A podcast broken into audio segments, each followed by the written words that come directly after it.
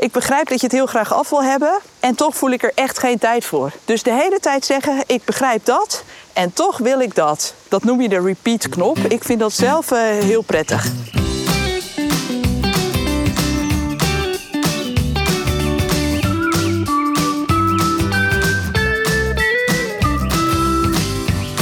Welkom bij 1000 Stappen. 1000 stappen om je benen te strekken, even weg te gaan van je werkplek en een frisse neus te halen. Goed voor je lijf en voor je hoofd. Ik, organisatiefuturoloog Arjen Bannach, ga ook aan de wandel. En wil samen met iemand die ons iets kan leren over gezond werken. Vandaag gaan we het hebben over hoe je beter nee kunt zeggen op werk. Want dat is voor veel mensen niet zo makkelijk. We willen niemand afwijzen en proactief overkomen. Christiane Leenhouts is psycholoog, coach en trainer en focust zich op gedrag en leiderschap. Ze weet als geen ander hoe je als medewerker meer nee kan leren zeggen. En hoe je als leidinggevende je medewerkers hierbij kunt helpen. Dus pak je jas en loop met ons mee. Zo gaan we samen meer bewegen. Christiane, welkom in de podcast. Ja, Leuk dat je, dat je meewandelt, in de regen ook. Maar eh, we zitten onder een bladerdek, dus dat is gelukkig mooi. Ja. Um, nou, allereerst even voor onze luisteraars. Wie ben jij en wat doe je eigenlijk? Ja, Christiane dus. Ja. Um, psycholoog, maar uh, ook werkzaam als coach en als adviseur. En misschien nog wel het belangrijkste is Zeeuwse van de origine. Ik hou enorm van het strand en de vrijheid. En ik ben een moeder van twee jongens, hele energieke jongens. Um, maar op werkgebied dus, uh, ja, met name psycholoog, coach, adviseur. Leuk. Ja. Hey, en, en we gaan het vandaag hebben over het thema nee zeggen. Ja. En dat is iets wat volgens mij iedereen wel eens tegenkomt in zijn werk. Van, nou, vooral het gevoel achteraf. Van, ik had misschien nu een keertje nee moeten zeggen. Mm -hmm. um, kan je eh, misschien allereerst dan even uitleggen van waarom is het een thema waar jij je mee bezighoudt en waarom is het belangrijk? Ja, ik ben veel bezig met het thema veerkracht. En ook uh, met uh, hoe blijf ik nou wel een beetje bij mezelf in de heftige contexten waarin we soms zitten. Hè? Dus in de zorg heb je met hele mondige patiënten te maken. In het onderwijs heb je te maken met uh, hele hoge eisen die allerlei ouders uh, ineens van je hebben als leerkracht. Maar ook in de wat meer corporate omgevingen. Heel veel verwachtingen vanuit ja, de cultuur die we met z'n allen hebben. Hard werken. En in al die contexten is het eigenlijk best wel lastig om uh, dicht bij jezelf te blijven door de verwachtingen die er zijn. En vaak ook door de verwachtingen die je zelf uh, van jezelf hebt. Oké, okay, die, die, verwachtingen van anderen, die, die komen mij heel herkenbaar voor. Dat, dat Ja? mensen iets van jou verwachten. En nou, om leuk gevonden te worden of om geaccepteerd te worden, gedraag je daar maar naar. Maar die verwachtingen van jezelf, die moet je even naar de toelichten. Ja, ja, ja, dan moeten we toch een klein beetje de psychologie in. Hè? Oké. Okay. Wat je eigenlijk zou kunnen zeggen is dat je als mens uit verschillende delen bestaat. Dat, dat noem je in de theorie van, van voice dialogue ook wel subpersonen. Ja. Uh, nou, misschien ken je het wel dat je, als je bijvoorbeeld bij een vriendengroep van vroeger bent, dat je ineens onwijs de lolbroek bent. Ja, of ja, ja, ja, ja. Uh, dat je, uh, als je weer in je gezin van herkomst komt, dat je weer een beetje de rebel wordt of zo. Hè? Die, Ah. die, die heb je allemaal in je. Dat mensen zeggen van, oh, in de relatie is het een heel ander persoon dan inderdaad bij vrienden. Dat ook zo'n partner dat herkent. Van als hij dan Ja. bij mij is, doet hij thuis zo. En heeft, heeft, heeft een man soms zelfs een hoger stemmetje. Ja. Terwijl bij vrienden is het dan in één keer veel lager. Ja, dat Ja. is het precies. En, en dus je hebt al die delen in je. Alleen uh, afhankelijk van uh, de context waarin je je bevindt, zet je de een, of de relatie waarin je je bevindt, zet je de een wat meer naar voren dan de ander. Uh -huh. Dus we hebben bijna allemaal wel een perfectionist. En we hebben allemaal wel een innerlijke criticus. En we hebben allemaal wel een pleaser. En we hebben allemaal wel een pusher. Um, Ja.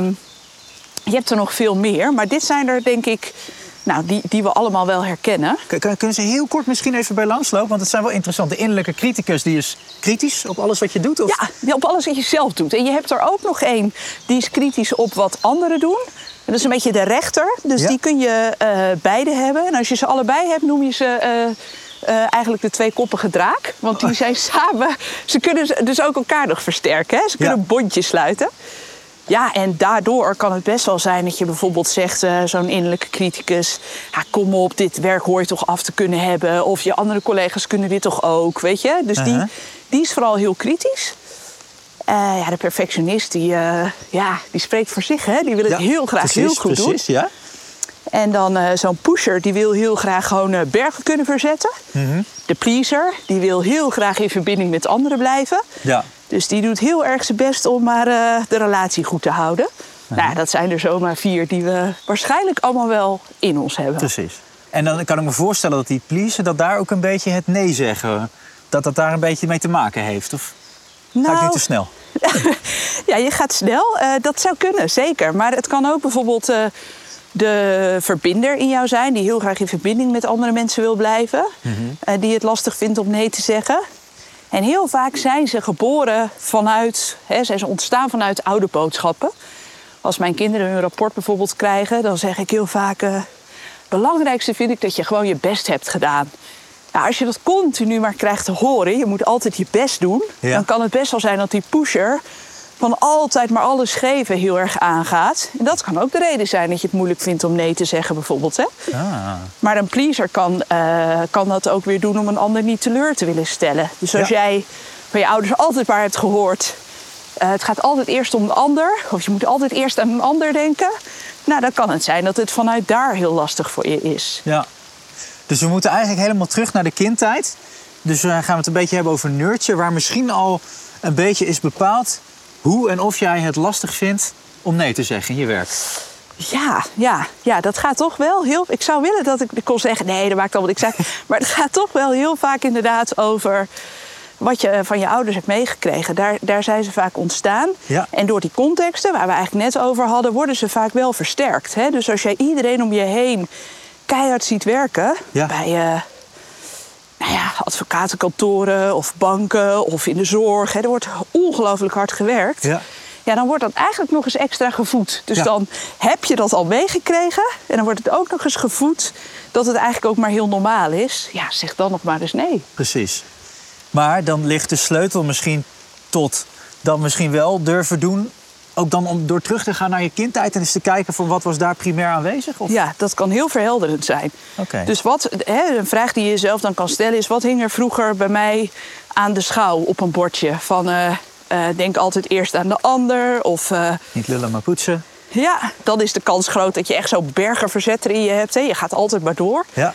Of het moet goed zijn, of je moet je best doen. Of, en dat hebben je ouders vaak met de beste intenties gedaan. Hè? Daar is Ja. helemaal niks mis mee. Maar het is wel fijn om te kijken mm, ja, of ze niet te veel aan je trekken. Of ze niet te zwaar hè, beslag op je leggen. En welke het zijn natuurlijk. En of je er ook niet iets anders tegenover kan zetten. Dus bijvoorbeeld tegenover een pleaser kan je ook een gezonde egoïst zetten. Die gewoon soms eens denkt, nou ik vind nu genoeg. Of ik heb genoeg gedaan vandaag. Of het zal de vierde keer dat ik dit project trek. Nou mag een ander doen. Dus dat is zeker eh, heel waardevol. Ja. Oké. Maar dus, dus is, is dat dan ook een beetje, nou dat klinkt wel dat is heel makkelijk nu, maar het stappenplan. Dat je dus eens teruggaat en kijkt van nee, welke rol is dan primair, welke innerlijke ik als het ware primair aanwezig. En dan moet je daar de, de, de tegenovergestelde eens kijken van wat dat dan is. Zit daar dan de oplossing? Dat kan. Maar het- het- eigenlijk is stap 1 dat je gaat kijken... hé, hey, eh, welk deel in mij vindt dit nu zo lastig hè, om nee te zeggen? Ja. Dan kan het heel verhelderend zijn om eens terug te kijken... waar is dat nou eigenlijk ontstaan? Oh, ik herken het eigenlijk wel als ik aan mijn eh, gezin van herkomst denk... en aan mijn opvoeding. En dan kan je gaan kijken, maar wil ik nog wel dat die me zo beïnvloedt? Of kan ik hem een beetje verlichten? En dat zou je kunnen doen door er iemand anders tegenover te zetten. Of om je er gewoon bewust van te worden. Dat is ook al super. Van, oh, daar gaat mijn pusher weer. Of, oh, is mijn pleaser weer. Zo, hè? En Ja.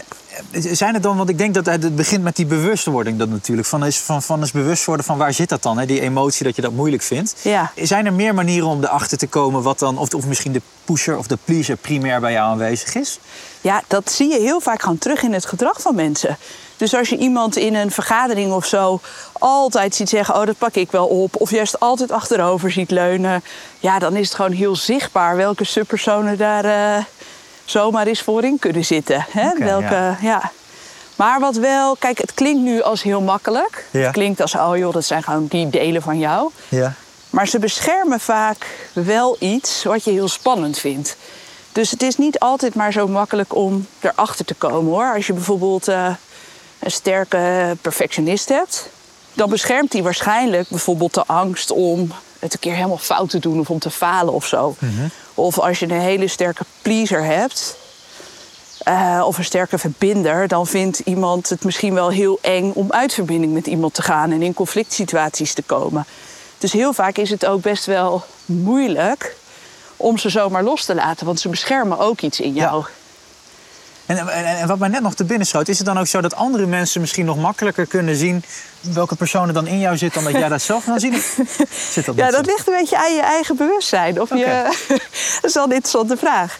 Want ik kan me voorstellen dat collega's bijvoorbeeld, hè, als we toch even in die werksfeer hebben van ja, zeg nou wat vaker nee, dat collega's misschien ook wel een beetje voelen van ja, dit is iemand die eh, erg, erg pusherig is. Of... Ja.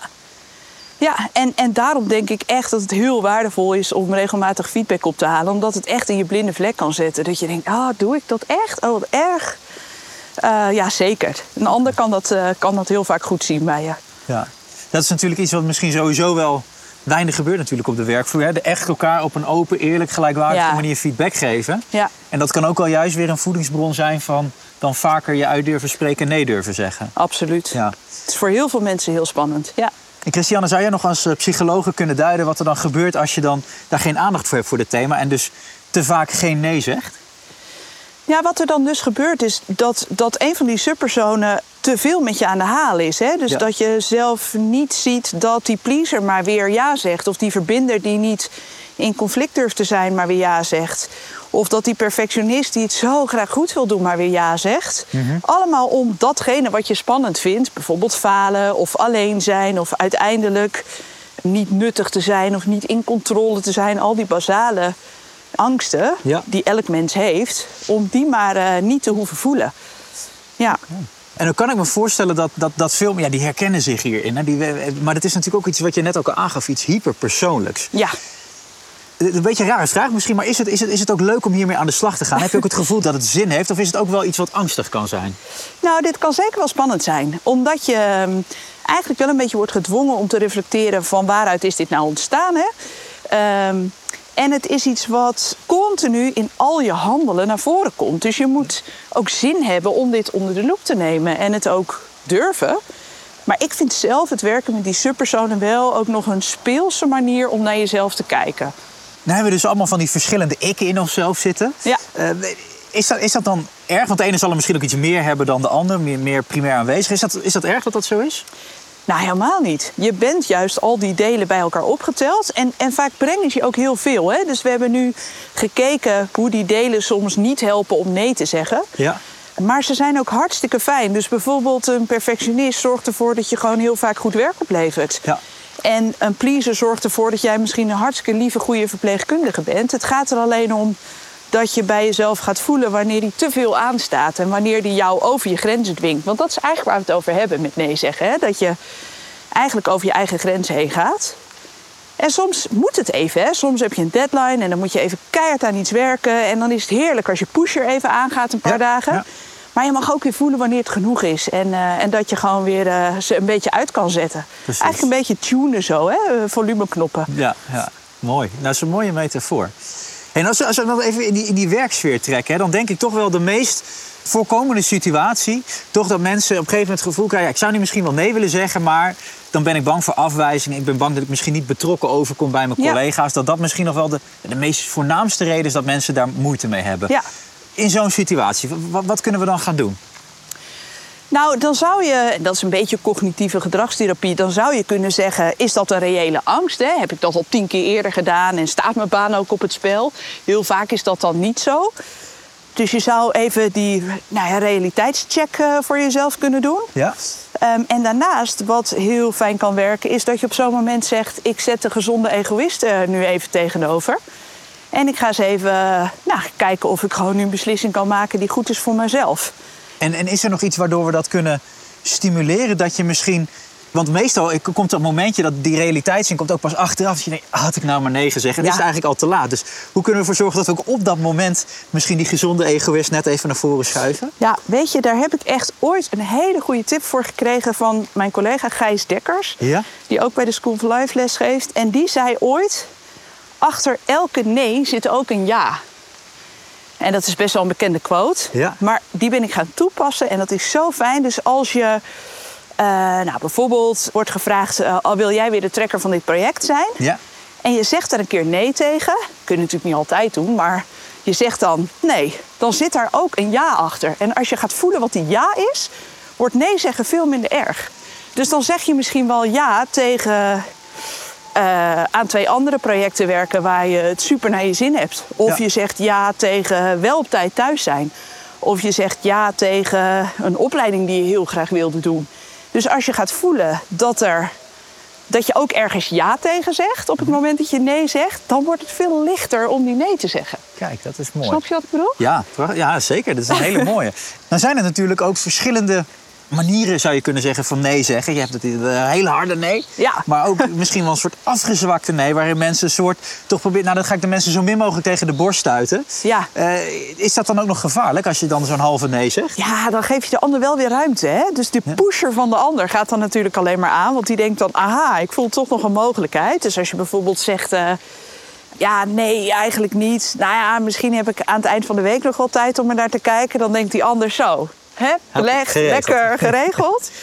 Eh, wat dan heel fijn kan zijn, is om steeds weer het zinnetje voor jezelf te herhalen.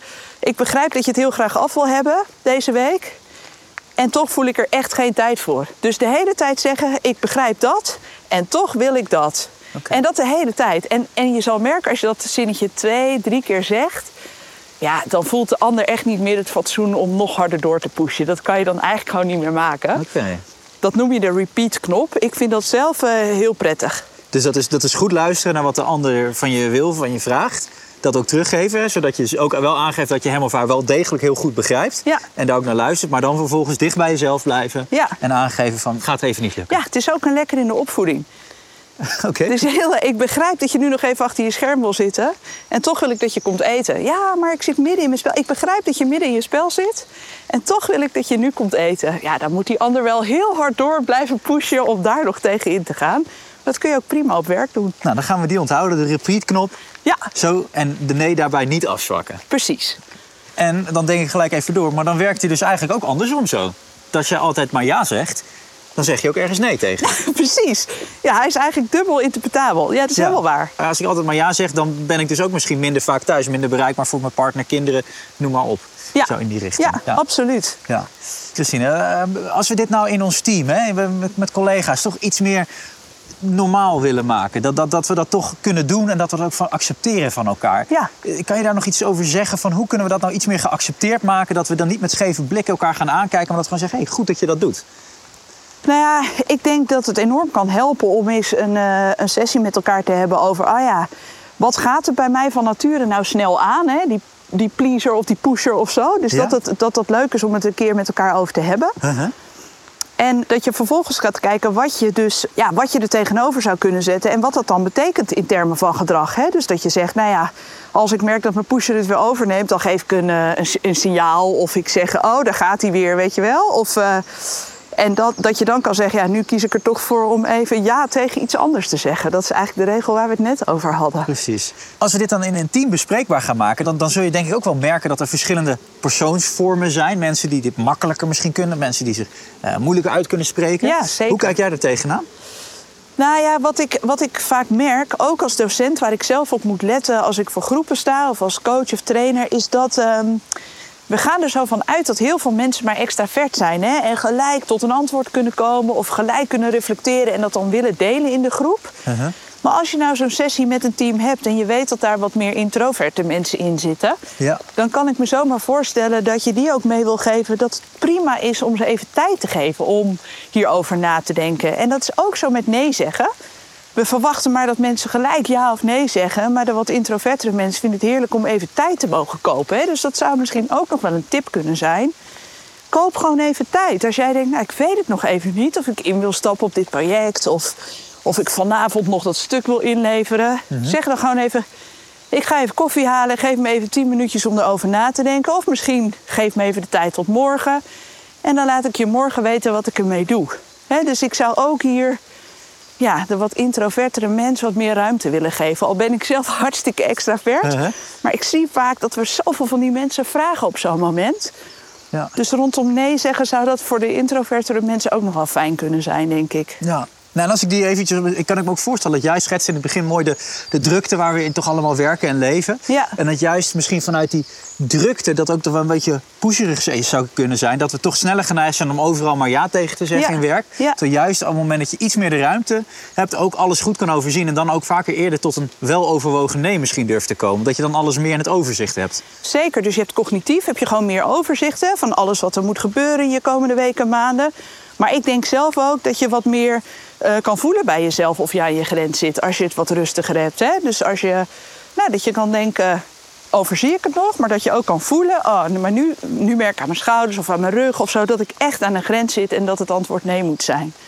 Mooi. Dus even dus de rust, de ruimte inbouwen. En dan even de incheck bij jezelf doen van hoe sta ik op dit moment voor. Dat kan al helpen. Ja, wat een goed woord. Even de incheck bij jezelf. Ja, Ja. dat is het. Mooi. Nou, Christiane, mag ik je hartelijk danken voor je inspiratie. Ja, heel graag gedaan. Dat waren de duizend stappen met Christiane Leenhouts. En hopelijk heb je een idee gekregen van hoe je beter nee kunt zeggen. En heb je meer inspiratie gekregen om een eerste stap te zetten richting meer ontspannen werken. Heb je met ons meegewandeld? Goed bezig. Nog niet? Loop dan de volgende keer met ons mee. Lekker voor je lijf en je hoofd. Wil je nu nog meer inspiratie? Ga dan naar www.zilverenkruis.nl slash meer ontspannen. Ben je een vaste luisteraar en dacht je, hey, een andere tune? Dat klopt. Duizend Stappen wordt namelijk beluisterd door meer mensen dan alleen leidinggevenden. En is eigenlijk interessant voor iedereen met een baan. Dus het was tijd voor een nieuw jasje.